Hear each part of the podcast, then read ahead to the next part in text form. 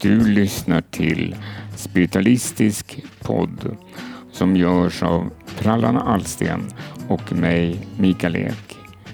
Vi är båda verksamma i Stockholms spiritualistiska förening. I det här avsnittet av Spiritualistisk podd så fortsätter vi samtalet med Lisa Kronstedt om tankar, känslor och vår inre värld, om tarot och om kortens relation till jungiansk psykologi. Men vi börjar med att jag talar om vår relation till tankarna.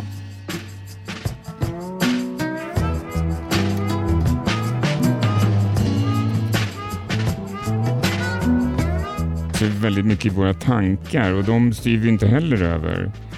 Och, och, men de, vi låter dem styra oss väldigt mycket.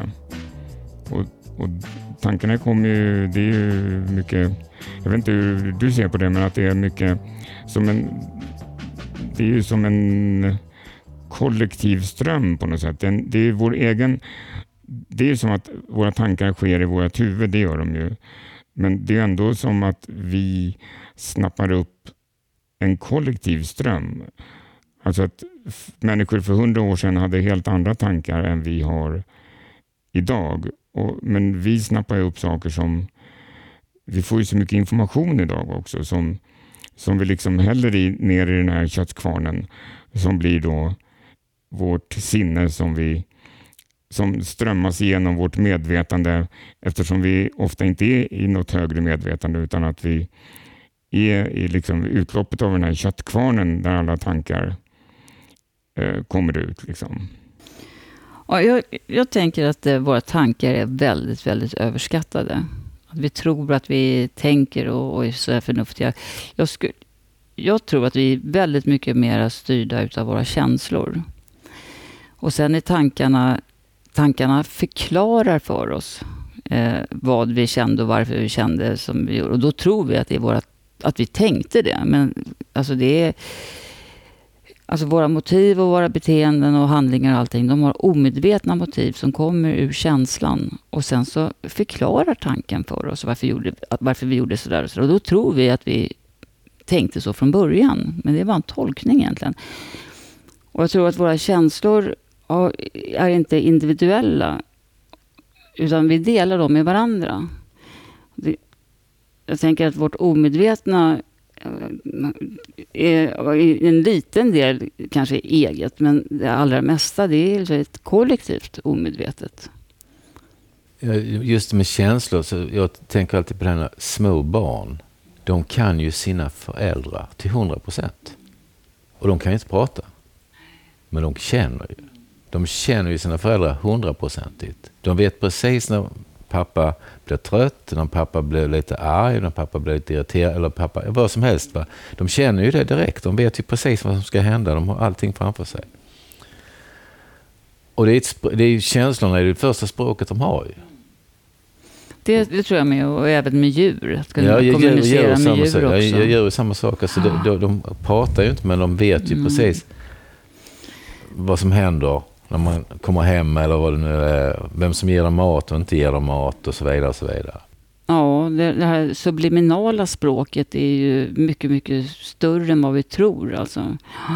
Man känner på sig och man märker om någon ljuger och man liksom förstår vad folk har för avsikter och sådär. Och det är, tror jag är en känslomässig kommunikation. Och sen så har man då en förmåga då att kunna tolka det då med det medvetna. Med tankarna. Och tankarna, precis som jag tror du Micke kanske också var ute efter. Jag tror inte de finns direkt i, vårat huv, i våra huvuden. Utan jag ser mer hjärnan som en monitor faktiskt. Att vi eh, snappar upp det som ja, nästan bokstavligt ligger i luften. Ja, men precis. Mer som en radio eller så? Ja, som en monitor, mm. som en TV helt enkelt. Och, och monitor. Som, och, mm. och, vi har olika personligheter, alltså man har olika kanaler kanske man kan, om man vill göra metaforen TV då, att det är olika kanaler. Men tankarna, det är jag inte säker på att de finns just i våra huvuden. Det har jag svårt att tro faktiskt. Ja, det är ingen som har hittat dem där. Jag menar det. Tankar och minnen och sånt där tror jag finns omkring oss. Vi manifesterar någonting som finns Jag, jag, jag tänker på sådana man, som konst till exempel. Eller, jag vet inte, jag har nog kanske berättat det här innan, skitsamma. Eh, det, det här såg en kollega som sa hon skulle ställa ut tillsammans med Svenska Fotografernas Förbund på Moderna Museet för länge sedan. Eh, hon skulle ställa ut en bild. Och jag sa till henne, men och hon tyckte liksom, äh, det, en bild bara, det måste vara något mer, bla bla bla. Men ta två plexiglasskivor, ta två stora skruvar i varje hörn och smäll dit den så studsar den ju ut så. Sen var det tyst, sen gick jag på den här utställningen och ser den här grejen. Precis som jag hade sett den. Och kolla, han känner inte jag. Och sen pratade jag med henne efter helgen då. Nej, jag tyckte den idén var så dålig. Jag har inte berättat den för någon. Nej. Och det var precis som att, och jag, mm. det har hänt flera gånger, men det är som att man får en idé. Jag, jag tror det är flera som får den, men kanske är det bara en eller två som gör den. Det, precis så, det, det, tror jag också. Idéerna och allting och tankarna. Man säger ju också ingenting nytt under solen. Allting finns. Och sen är det vissa saker som manifesteras. Men det finns överallt hela tiden. Och det är det, är det som är narren. Han är som kvantfältet ur vilket allting föds. Han är san, alla sannolikheters ursprung. Och, och, då, och vi manifesterar bara en liten ja, bråkdel, eller vad man ska säga. Mm. Precis, var kommer inspiration ifrån till exempel? Ja, just det. det tankarna är som, det kom, som om det kommer flygande från luften. Och I narrens kort så har han just den här fjädern som representerar just det här att eh, det är som en antenn liksom, upp till det stora gudomliga, det indiska brahman eller den stora världssjälen. Och som jag ser det, universums självorganiserande princip som bygger på skönhet, utveckling, harmoni. Och vi alla dansar. Men jag tror alltså, så de där idéerna kommer, då är man i någon form av läge. Alltså man, man är nog, men jag, som jag har fått mina bra idéer så har det ju varit att jag varit lugn, sansad, inte haft någon större tanke i huvudet. Sen helt plötsligt så klickar det bara till och så bara ligger den där. Det finns ju tusen exempel på det. Eh, rockstjärnor som ligger och sover och sen så vaknar de bara upp och skriver en hit liksom och somnar om igen och sen så blir det där en hit som bara eh, blir ja, jättepopulär. Ja. Eller vetenskapsmän som bara i någon slags slummer kommer på det liksom sådär va. Och, och jag tror att det är, om man då ska säga att man kopplar upp sig, eller, alltså man, man är ett med det hela så att säga. Och det känner man ju om man gör någonting. Så här, jag håller på med keramik och det är det bästa jag vet. Och man liksom försvinner i det hela. Man, man tappar sig själv. Man bara går upp i det man gör. Och då dansar man med universum. Just det, Eva Dahlgren var, det var någon serie om svensk hitmusik genom åren. Och så frågade de så här, ja, det är rätt så svårt att skriva låtar, men en låt bara kom direkt. Och vilken var den? En ängel i rummet. Och den hade hon bara skrivit så här. Tjut, tjut, tjut. Men hon tror ju inte på andlighet. Men så var det. Så det var det två låtar tror jag hon har gjort sådär snabbt. Och det var väldigt andliga låtar som hon har. Ja, men det är rätt häftigt. Ja, det beror på hur man definierar andlighet. Alltså, många människor har ju liksom känt sig inspirerade. Och man känner att man själv försvinner och allting bara går som i en dans och man har värsta flytet. Liksom, sådär. För mig är det liksom, då är man ju ett med, med det stora. Ja, ett med det stora. Mm. Mm, jag läste lite om kreativitetsforskning och då finns det någon, någonting där som man säger att eh, de tre benen och det är bed, bathroom och buzz. Eh, där, är liksom, där man har, är ostörd. Tyvärr är det inte så längre, men det var så förr i världen att man, man, man liksom eh, jag kommer ofta saker, på saker när jag borstar tänderna eller i badrummet. Då kan man inte göra någonting annat än att vara där. Liksom. Det finns ingen tidning att titta på eller mobil eller något sånt där. Eh, men just att det är viktigt att ta de här fristäderna utan mobil eller utan där liksom tankarna bara flyger iväg och man inte försöker prestera någonting. För det är det som, det där med att man brukar prata om att inspiration är, vad är det 90 procent transpiration och sen 10 procent inspiration. Och det kanske stämmer också, men men samtidigt det här med också att bara att låta tanken vara fri, liksom, att, att inte tänka på något speciellt. Som man gör då förr i världen på bussen. när man inte hade någon mobil, man bara satt och tittade ut genom fönstret, så kommer det saker till en. Och, och samma i sängen också då. Jag upplevde faktiskt det här i helgen. Vårt barnbarn, våra barnbarn var, var hemma hos oss och eh, sexåringen då, han var lite ledsen och sen kom han in och sen, han brukar inte sitta med telefonen eller något sånt bra länge då. Så fick min fru honom till att börja bygga lego, fritt alltså. Och han, byggde, och han blev ju så inspirerad så han byggde ju hur mycket som helst. Han byggde, alla Diplo var försvunna i en stor låda. Uppställt överallt. Han var igång till klockan 11 på, kväll, på kvällen. Och han var bara i det, man såg mm, det. Va? Just det.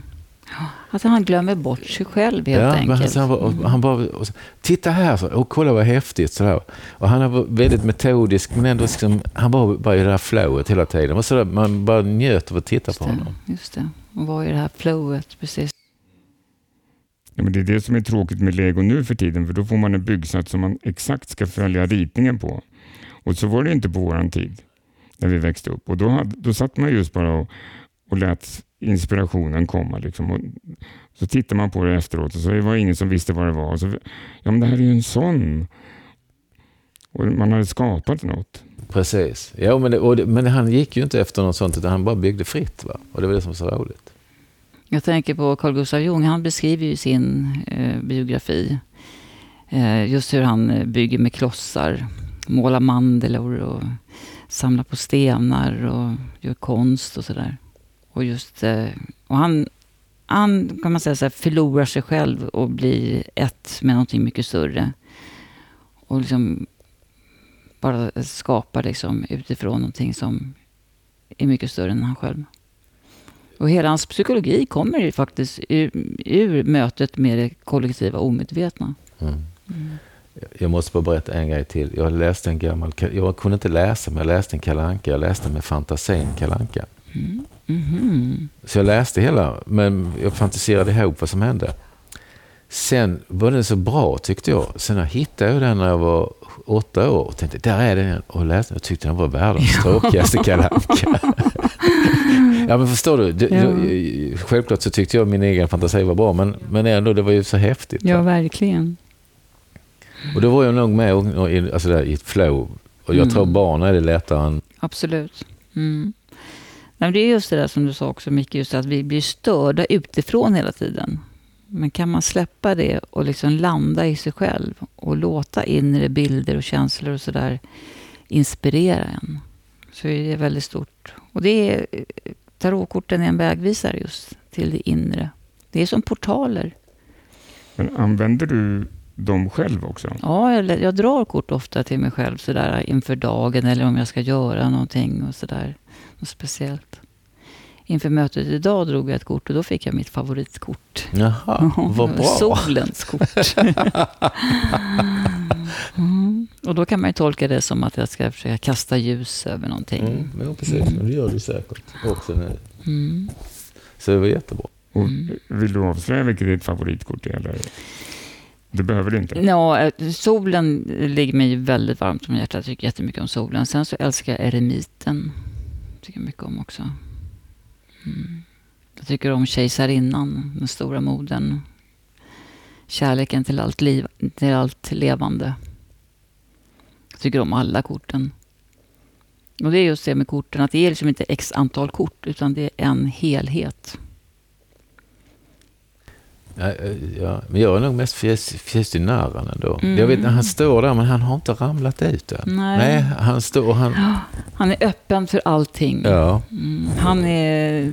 Hunden är lite allvarlig, för han skuttar ju, så han är på väg ut för, men han har inte riktigt gått mm. steget. Mm. Så att, och sen är han bara så här öppen för mm. allting. Det gillar jag, men som sagt, man kan tolka att han ramlar, men han behöver inte ramla. Han kommer att ramla. Ja, men, han, ja, men säkert. Den här fjädern han har i hatten, den röda fjädern, ja, ja, den styrs av solen. Men i, i dödens kort, där ser man återigen den här röda fjädern. Den slokar. Och i solens kort, där reser sig den röda fjädern igen. Nu mot solen som inte är tom, utan har eh, anletsdrag och strålar.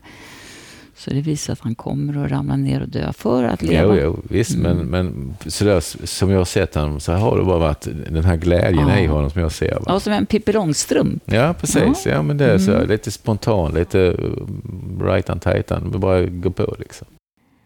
Men hur är det med det här tornet då? För det verkar vara mycket ett problematiskt kort för många. Ja, det är, det är nummer 16. Det är 16 kortet. 1 plus 6 är 7. Och sjuan representerar ju då sökandet och att man liksom analyserar och finner det sanna i sig själv. Och tornet, det är det sanna tornet som spirar ur ruinerna. Det är en stor krona som finns på tornet som kastas av. Och kronan representerar ju då medvetenhet, alltså kronan krön i huvudet, medvetenhet. Och det här står kungakrona, det kollektiva medvetandet, alltså de dogmer och de myter som finns som man ska följa.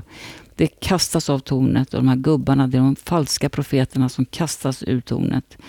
Så det är alltså att man förintar alltså alla dogmer och självpålagda bördor och myter. Som att man ska vara smal och vacker och man ska vara framgångsrik och man ska göra det och det och det som det kollektiva medvetandet ja, ställs som krav på en. Alla de falska profeterna kastas ut. Och ser man då på kortet så ser man att tornet har inte en fläck, inte en spricka. Det står stadigt. Utan det är bara all polityr som kastas bort. För att i nästa kort, stjärnan då, man naken inför sig själv, ser sin spegelbild i källan. Alltså det kan ju vara ganska läskigt att eh, gå, igen, alltså gå emot eh, konventionen. Det kan vara liksom en, en, homosexuell människa som kommer ut och det är som, kan vara jättejobbigt. Liksom. Eller en kvinna som säger, nej men jag vill inte ha barn. Och får liksom samhällets krav på sig och, och förvåning och sådär. Alltså att eh, gå emot konventionen, det är ju det som kortet betyder. Och, och, och, och hävda sin rätt, sitt unikum kasta bort de här falska profeterna, alltså de här pålagda kraven som världen ställer på en att man ska vara rik och man ska ha ett prestigefyllt jobb och allt, allt det där. Så det kan vara, alltså, det kan ju liksom te sig väldigt omskakande och utrensande och bli jobbigt. Det kan vara skilsmässa till exempel. Alla tycker att ja, men det här är ju världens bästa man du är tillsammans med och vad ska barnen säga om du skiljer dig? Och inte kan du säga upp dig från, från jobbet därför att du bara vill måla liksom. Nu skiter jag i vad kommissionen och alla säger och att man tycker och så här. Nu gör jag som jag vill. Så det kan vara väldigt turbulent. Och har man nu bara liksom följt vad alla andra tycker så tills, och man hämmar sig själv, då kanske det ter sig uttryck som sjukdom eller man krockar med bilen eller vad som helst. Så det kan ju också vara tornet. Men det syftar ju till just det där att kasta bort det där som inte tillför dig någonting. Och må ditt sanna torn resas ur ruinerna. Mm, kraftfullt. Mm. Ja, tornet är väldigt kraftfullt och i Tuts tarot, Alice Crowleys kortlek, där är det ju väldigt tydligt hur det är bara ett enormt liksom, kaos. Liksom. Så det kan ju uttryckas på det sättet. Men det är ju för att det sanna självet ska få plats. Men det är också väldigt stadigt. Ja, själva tornet, ja, det sanna självet är ju väldigt stadigt. Det är ju det stadiga tornet som ska fram, kasta bort all pålagd polityr. Men då kan man kanske säga att det är väldigt missuppfattat också. Jag vet inte vad andra människor har för eh, åsikter om det här. Jag har inte heller haft något sådär. Jag har också sett det stadiga, men jag har inte sett det som... Men alltså, jag, jag har tolkat det också, men jag, jag, har sett, jag har inte sett det som oroväckande. Men jag har inte heller sett döden oroväckande. Mm. Jag har inte sett djävulen oroväckande heller, så jag vet inte. Det kan ju vara jobbigt helt enkelt. Jo, jo men ja. alltså... Men samtidigt, det, det, det är som att öppna en ny dörr också kan det vara. Ja, men tornet är ju ändå, det är ju inte någon liten sak, utan det är ganska, det är kraftfullt helt enkelt. Att man reser sig upp och eh, hävdar sitt eget unikum, så att säga. Det unika med sig själv. Gå emot konventionerna. Ja, det är som en Greta Thunberg som sätter sig framför riksdagen och börjar eh, ja, lite så. väcka hela världens ja. både ilska och eh, upplysning. Liksom, ja. sätt, ja. Ja, slå sig fri från förljugenhet. Mm. Mm. Det är ett rebelliskt kort. Mm. Och det kommer liksom efter djävulen. Och djävulen är just det där att eh, se att du är fångad i illusionen. Du är lurad liksom. Du behöver inte följa med vad alla tycker och sådär. Du är inte separerad från Guds kärlek. Och då kommer det här tornet.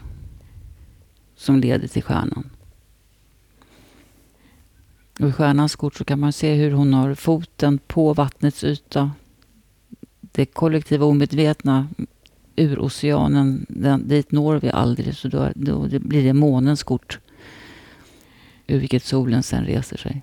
Så att eh, korten hänger ihop som en melodi, som en berättelse. Mm. Även Alltså- om de, de kommer ju inte så när man lägger dem. Alltså då kommer de ju lite huller om buller, det Ja. kaoset du pratar om. Ja, just det. Det blir som ett kaos. Men så ser man mönstret ur kaoset. Det är ju det som det handlar om att lägga en stjärna, att se den annorlunda ordningen ur kaos.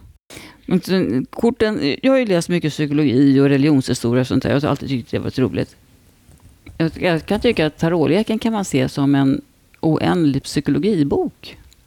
Och En den, oändlig... psykologibok. Ja. Ja. Eh, Det berättar om psykets struktur, om psykets dynamik, om det psykologiska dramat. Eh, Dels individuellt, men för hela mänskligheten. En enorm kunskap. Så därför så är det lite beklämmande att de bara används som fåniga spåkort.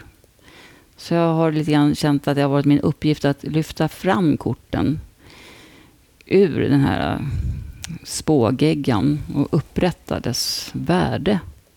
Mm. Mm. Det låter bra. Någon litteratur, vad jag tänkte på.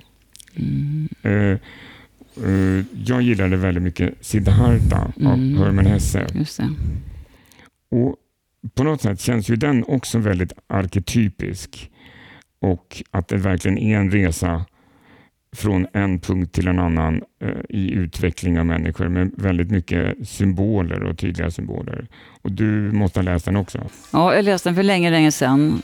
Eh, så läste jag Hermann Hesses Steppvargen för inte så himla länge sedan igen. Ja, det gjorde jag också. Den har jag inte läst på länge heller. Nej, jag läste den någon gång när jag var riktigt ung, men förstod den inte riktigt då. Men så läste jag den för inte så länge sedan och verkligen ser de här arketyperna. Jag förstår också att den eh, har blivit klassisk. Mm. Mm. Och litteratur som jag nu... Ja, det finns ju mycket, men Selma Lagerlöf är ju någon som alltid har legat mig varmt om hjärtat. Det är så stämningsfullt och just det att de väver samman dröm och verklighet. Och starka karaktärer. Och, mm. Herr Roners penningar och... Ja, Mm. Kejsaren och Portugalien är för mig en favorit. Jag läser en bok just nu, Paul Austers 4321. Eh, jag, jag är lite ute och svävar, men det, boken bygger på samma person som har olika uppväxter. Som hans liv fortsätter. Så jag ska inte berätta för mycket, men man förstår att eh, pappan dör igen. Pappan får ett stort företag igen. Och så vidare, och så vidare, och så vidare. Så att det blir samma person med olika utvecklingsfas. Men jag har svårt att få ihop dem när jag kommer in i andra, tredje kapitlet, men jag försöker. Men, men, men alltså just idén är ju så fantastisk för att det blir ju som så att den, han, hans, hans pappa som dör blir ju helt... Och sen hans pappa som är företagare och väldigt upptagen. Det blir nästan detsamma, men inte riktigt. Förstår du? Alltså det, nej, så den är väldigt speciell. Mm, mm. Så passa på att läsa den faktiskt, för jag tror att den är bra. Jag, har inte, jag håller på att läsa den, jag är inte färdig med den. Men den är väldigt intressant just i det avseendet faktiskt. Och sen har vi naturligtvis din egen bok. Och di- din senaste bok också. Ja, just det. Jag, gjorde, så jag skrev en bok eh, för drygt 20 år sedan. Jag skrev en, jag skrev en uppsats så på, på IAP, Tarot som individuationsprocessen i bilder. Och den uppsatsen blev sen en bok, eh, Tarot levande symboler. Och sedan så, nu 20 år senare, så, så skrev jag om den och utvecklade den. Så då blev det jungiansk tarot levande symboler.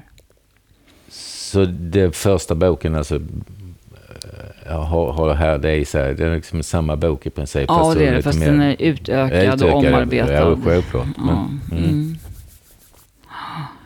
Och jag tycker jag kan se så mycket likheter med Jungs psykologi, så som han beskriver det medvetna till exempel. Det, det delar han ju upp i fyra delar.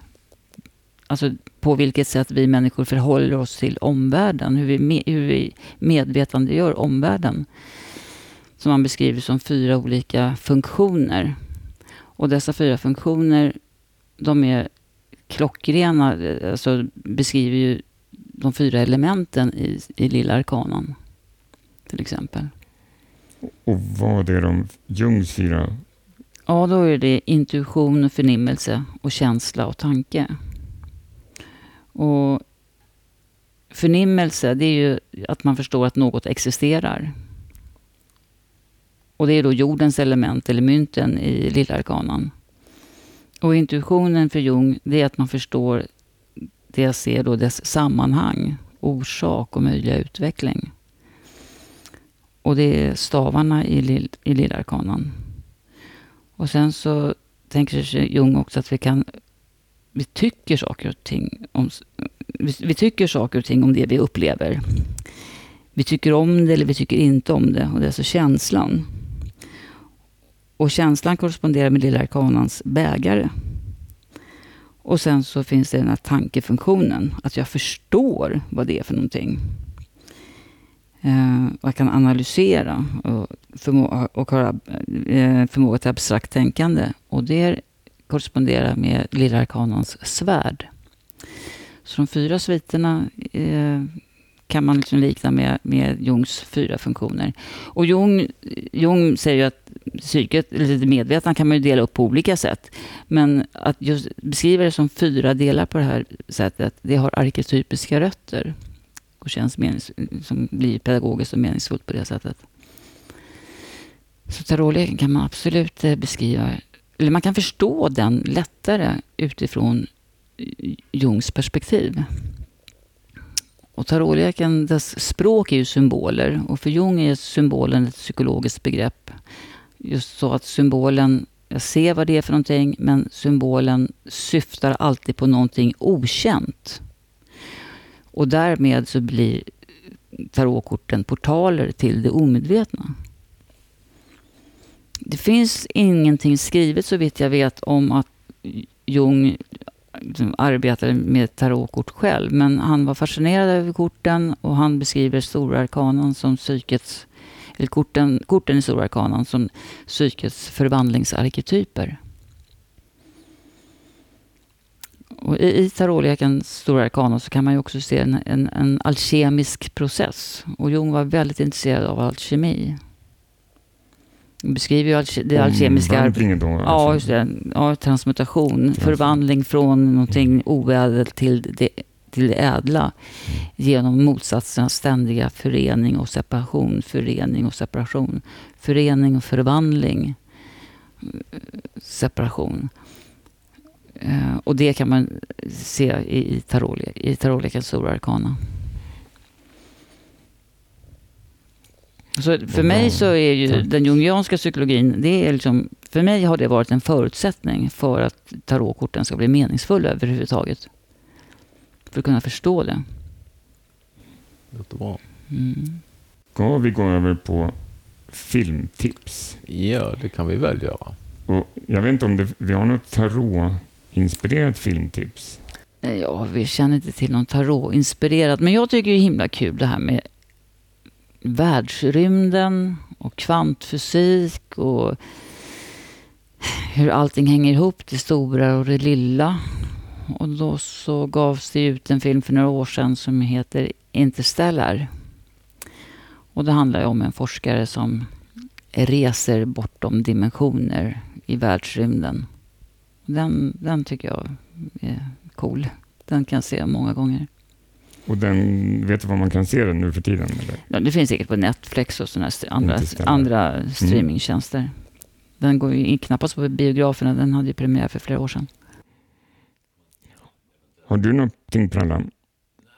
Ja, du hade ett boktips, men det har du redan givit. Ja, ja det har jag redan givit. Men uh, jag tänkte på, eh, jag såg mitt 19 liv, men den är inte så, men det är ändå lite kul. Hon har levt 19 liv, den tha, eh, thailändsk, den koreansk film är det. Men äh, på något sätt så, det är en kärlekshistoria, men det är lite roligt för att hon hittar ju sin käresta fast hon är äldre. Ah, det, det är väldigt krångligt, men som sagt, mitt 19 liv heter det. Hon har levt 19 liv och det är som sagt, det, den är sevärd i varje fall. Koreansk, sydkoreansk. Finns på Netflix. Och jag har nyligen sett uh, Nothing Compares. Och det är en film av, uh, om Shinard O'Connor. Och uh, hon dog ju förra året, va? Mm. och det, det är den irländska sångerskan helt enkelt. Och hon är ju, var ju före sin tid på väldigt, väldigt mycket feminism och ja, hon var ju väldigt tuff och stod ju för sina åsikter verkligen och fick ju lida för det otroligt mycket också. Otroligt mycket, mer än de flesta. Men det var säkert också för att hon var kvinna förstås och att hon var, stod för sina åsikter. Så att, eh, den kan jag rekommendera på SVT Play. Mm. Mm. Och då när man ändå håller på så kan man eh, se en film om Joni Mitchell som också var en föregångare som jag inte visste så mycket om faktiskt, men som också var en föregångare inom feminism och eh, liksom låtskrivande på en nivå som, ja, som, som var ny verkligen på den tiden. En riktig föregångare. Och det finns också på SVT Play. Mm. Just SVT Play. Det har gått tre avsnitt. Andarnas... Andarnas rike. Ja, det, jag, de, har, de letar upp sådana, vad ska man säga, inte riktigt som man tycker är bra. jag har bara sett ett avsnitt, men det var ju... Har, har, har du Jag har sett ett avsnitt, ja. Jag har sett alla tre och jag känner som att hon gjorde ju det här programmet eh, Meningen med livet. Som hon intervjuade en massa kändisar och nu kör hon Andarnas rike. Men jag vet inte. Tarotläggaren som var där, henne har jag träffat en gång. De fick, ju, fick henne att tala om att hon hittade på. Ja, men förstår du? Det, ja, nej, jag är inte så glad vid det, men jag ska fortsätta titta. Men, eh. jag såg första avsnittet, men det var ju någon healing-session där på, eh, på mässan. Eh, någon som verkade ganska utspejsat och minst sagt. Och, och, ja, Alltså, ja, jag mm, tycker mm, ja, det är nej, sorgligt faktiskt. Ja, det är sorgligt lite så. Men hon är ju nyfiken. Hon, hon är ju nyfiken på det, men hon kan inte. Så då gör hon hellre program. Hon är bra på att göra program. Ja, hon trivialiserar någonting som är väldigt betydelsefullt för För, för ja, precis. Hon trivialiserar det, ja, precis. Ja. Så det, det är inte så mm, kul. Nej. Det blir lite freakshow. Ja, det, ja, det blir freakshow mm. det. Mm. Så, men som sagt, eh, hon får väl hålla på. Jo, men det är ändå tråkigt att uh, man inte kan ta någonting seriöst, för det är många... Det, det, är en väldigt stor del av svenskarna som ändå är intresserade av det här. Mm. Och de flesta är nog ganska... Uh, ja, det har förändrat deras liv ganska mycket. Jo, det har det ju säkert gjort. Absolut. Ja, det, det, det fyller ju ett min. behov och det, det är viktigt och tror jag väldigt mycket nu när vi lever så mycket på ytan på något sätt så finns ett behov att eh, hitta någonting inre och meningsfullt och samlas kring och så. Och sen så ska det här banaliseras och lite skrattas åt. Det är lite synd. Jo. Mm. Men eh, hon, kommer, hon kommer väl till insikt. Mm. Eller de, rättare sagt. Mm. Tack så jättemycket Lisa. Men var finner man dig? Eh, jag bor strax utanför Stockholm och jag håller eh, kurser och utbildningar i eh, jungiansk tarottolkning inne i stan i Stockholm alltså. Och jag finns ju på Facebook, jungiansk tarot, även på Instagram, jungiansk tarot. Och sen har jag en hemsida som jag försöker att fixa med ibland som heter jungiansktarot.se.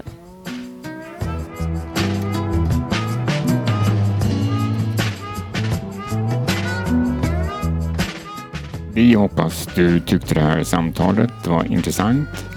Om du gjorde det, Gå in i din poddspelare och ge podden många stjärnor. Det gör det lättare för andra att hitta till podden. Glöm inte klicka i så att du följer oss så får du en avisering när nästa avsnitt kommer.